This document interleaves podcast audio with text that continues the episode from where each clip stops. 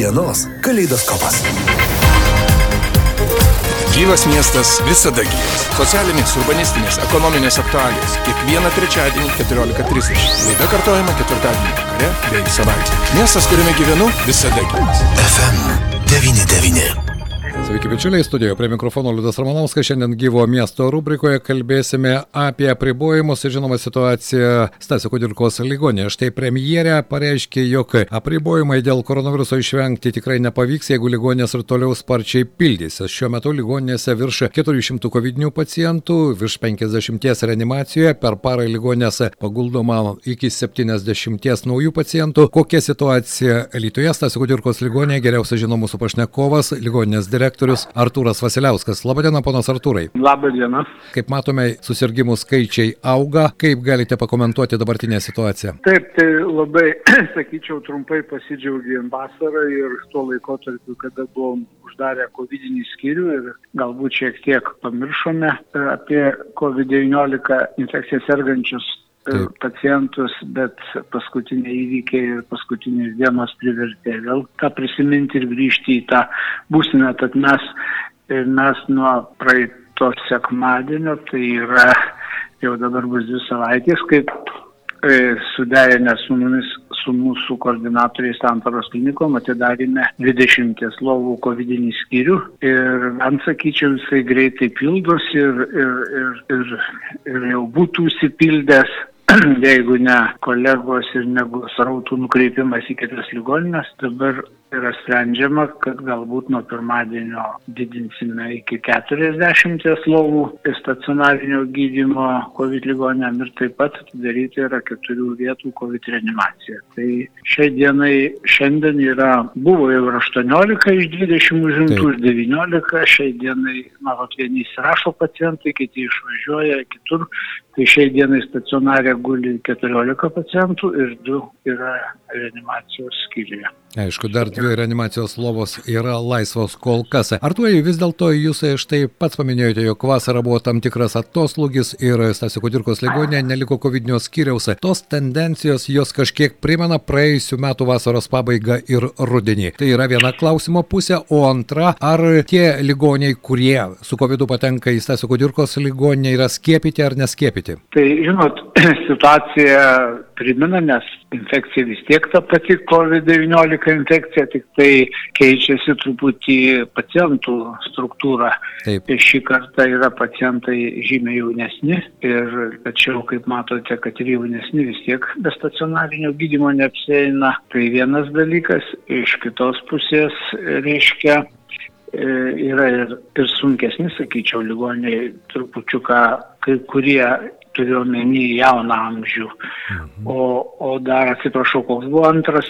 Antra klausimo pusė buvo labai paprasta. Ar tie, kurie patenka štai į Stasio Kudėkos COVID skyrių, skiepyti ar neskiepyti žmonės? Taip, 99 procentai neskiepyti. 99 procentai. Tai ko gero geriausias Taip. atsakymas tiems, kurie sako, kad skiepai nereikalingi. Nu, aš jau apie šitą, kad nereikalingi, šis nenoriu nediskutuoti ir klausyti. Čia ne, ne, ne, man neprimtinas požiūris ir ir nežinau, kiekvienas, aišku, turim savo apsisprendimą, tačiau aš ne, ne, Supratau. Manau, kad tai, kas su mokslu nesuderinta ir nepasitikėt mokslu, tai yra žingsnis atgal. Čia aš su jumis pilnai sutinku, gerbiamas Artūrai, kalbant apie simptomatiką vis dėlto, štai jūs paminėjote, kad ir ligoniai jaunesni, 99 procentai patekusių neskiepyti ir formos yra sunkesnės, bet tai patys simptomai, jie kažkiek skiriasi nuo praėjusių metų, ar vis dėlto čia deltos atmaina, kuri ir kitaip veikia veikia organizmų žmogaus? Tai turbūt, kad skiriasi, kaip ir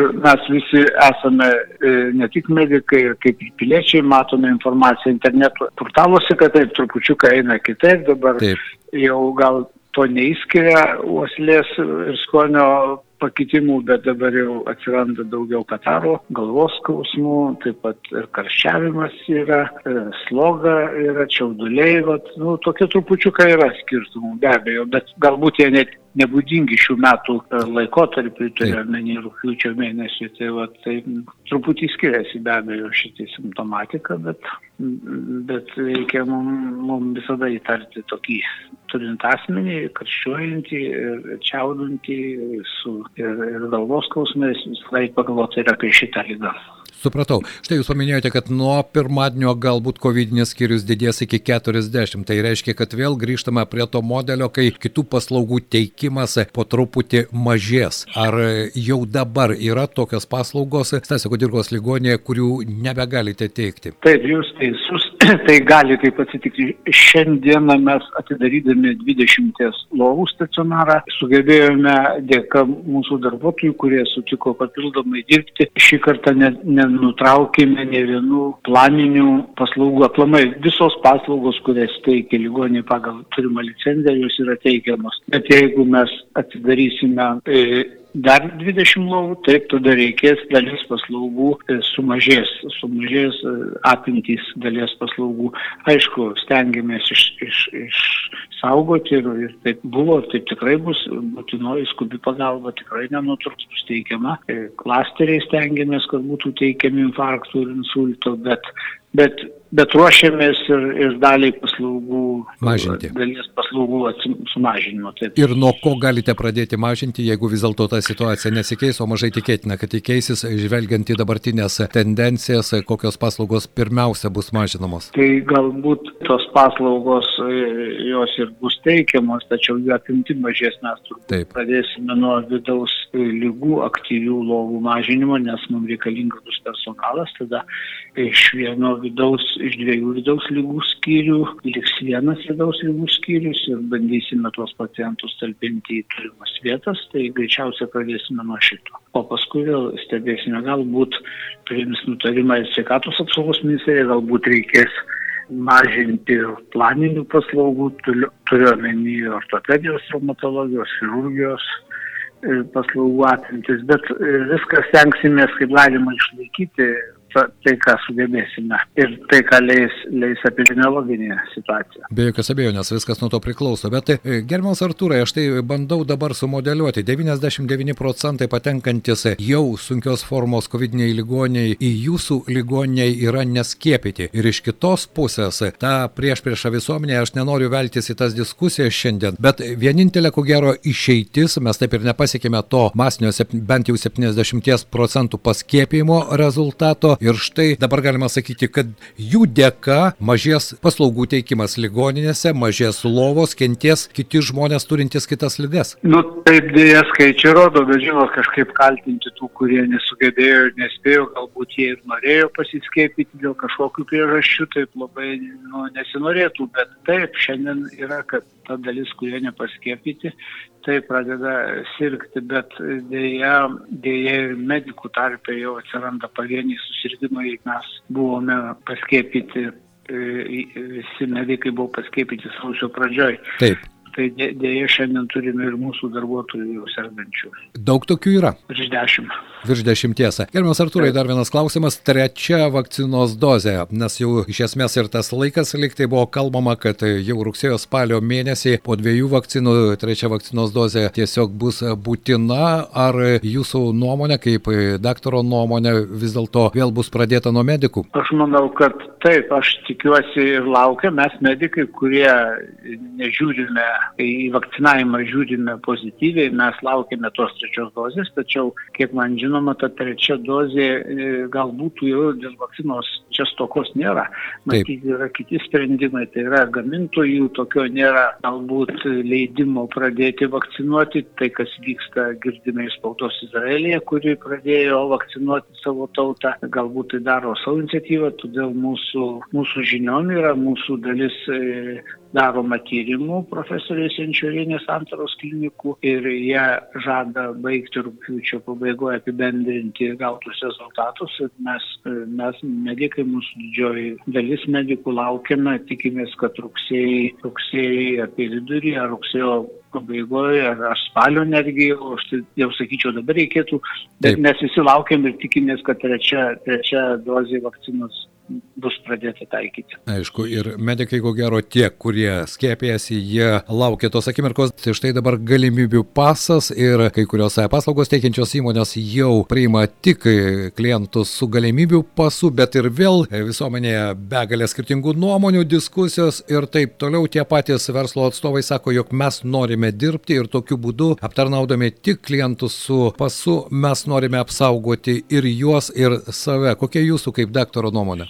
Nu, žinot, mano nuomonė gali būti tokia, kokia aš turiu nuomonę, bet turbūt visų tikslas ir tų, kurie nesivakcinavo, ir tų stengtis nesusirgti, Taip. toliau tų, kurie teikia verslo paslaugas, stengtis išlikti rinkoje ir va čia reikia atrasti tą, tą aukso vidurį, kaip, kaip nenutraukti teikiamų paslaugų, kaip užtikrinti saugumą klientų, e, būsimų mūsų pacientų. Ir vat šitus reikia sudėlioti visus labai, sakyčiau, griežtus ir labai vykdyti įsipareigojimus ir galbūt galima būtų taip ir išlaviruoti daug, tačiau kaip pastebim, vasarą visi ir, ir turėjom atostogus ir buvom išvykę ir matom, kas renginiuose masiniuose.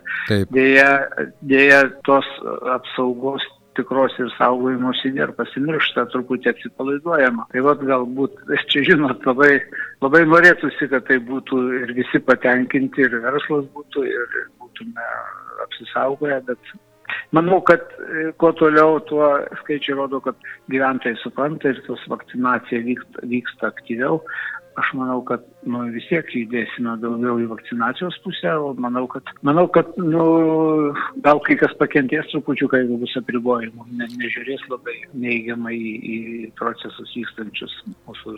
Norisi, žinoma, to tikėtis ir e, lietuviai išradinga tauta ir štai jau e, kalbos apie tai, kad netgi nepasiskėpėję gali, ieško galimybių gauti tą galimybių pasą, jo lab, jog dabar jeigu už testus teks mokėti iš savo kišenės, tai jau vėl na, nemenkos sumos, jeigu kiekvieną savaitę teks testuotis. Tai štai, jūsų nuomonė, gerbiamas Artūrai, čia nematote tam tikro pavojaus, jog spaudimas bus ir, pavyzdžiui, šeimos gydytojams, na ir bendrai gydytojams? Nu, žinot, tų pavojų ir tų visų kitokių atvejų, kaip tą dokumentą įsigyti ir visokių mamytų buvo ir bus, ir, bet manau, kad visuomenė pilietiška, visuomenė mūsų supratinga, gyvename Europoje, Europos centre, turime elgtis protingai, vadovautis protingumo kriterijais, teisingumo ir manau, kad nu, vis tiek visi sakom, kad nugalėsime šitą lygą, tikimės, kad viskas bus gerai.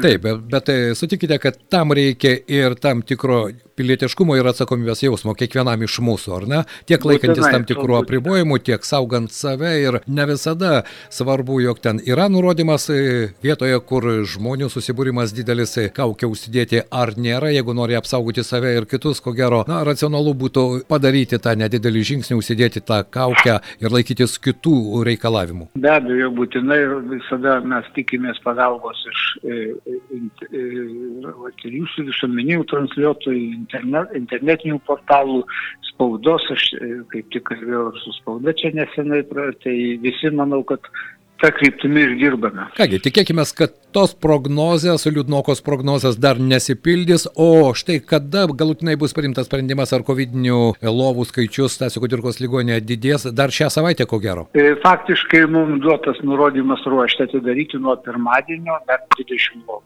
Tai mes vat, per šiandien, rytoj, užporyt jau turime sudėlioti visas kitas paslaugas ir, ir pasiruošti tų lovų atsidarimui. Jeigu atsitiktų, kad didėtų sparčiai, nes čia labai, labai tas nevienodai, bet po kiekvieno būdėjimo e, atsiskaito gydytojai, tai tiesiog praeitą naktį buvo labai, buvo e, apie 15-14 asmenų sergančių, tai dalis buvo pervežta į elektrėnų COVID-19 skyrių ligonė atsidarė, mus, mus pagelbėjo, tai čia žinot, užtas gali ir gali tektis žaibo greitumo atsidaryti. Tai skaičiai rodo kiekvieną dieną vis daugėjančių skaičių. Tai Taip. mes čia pirmadienis vėliausia diena, kaip turėsime tai daryti. Na kągi, tikėkime, kad vis dėlto samoningumo ir supratingumo visuomenė turės taip pat, kiek daugiau pamatė ir statistika, ir ne tik statistika. Mūsų pašnekovas buvo Sasio Kudirkos ligonės direktorius Artūras Vasiliauskas. Ačiū Jums už informaciją ir būkite sveiki. Ačiū viso gero. Tai gyvo miesto rubrika. Na, o kalbant nemažėjantį kasdien ligonėse atsiduriančių COVID pacientų skaičių, norėčiau priminti, jog mūsų pašnekovas pašnekovas tik patvirtino, jog 99 procentai dabar jaunesnio amžiaus žmonių, kurie turi sunkios lygos simptomus, patenka būtent tie, kurie yra nesiskėpę. Kitų tai ko gero skaičiai patys iškalbingiausi yra, ar ne? Ir čia na, tu gali svarstyti,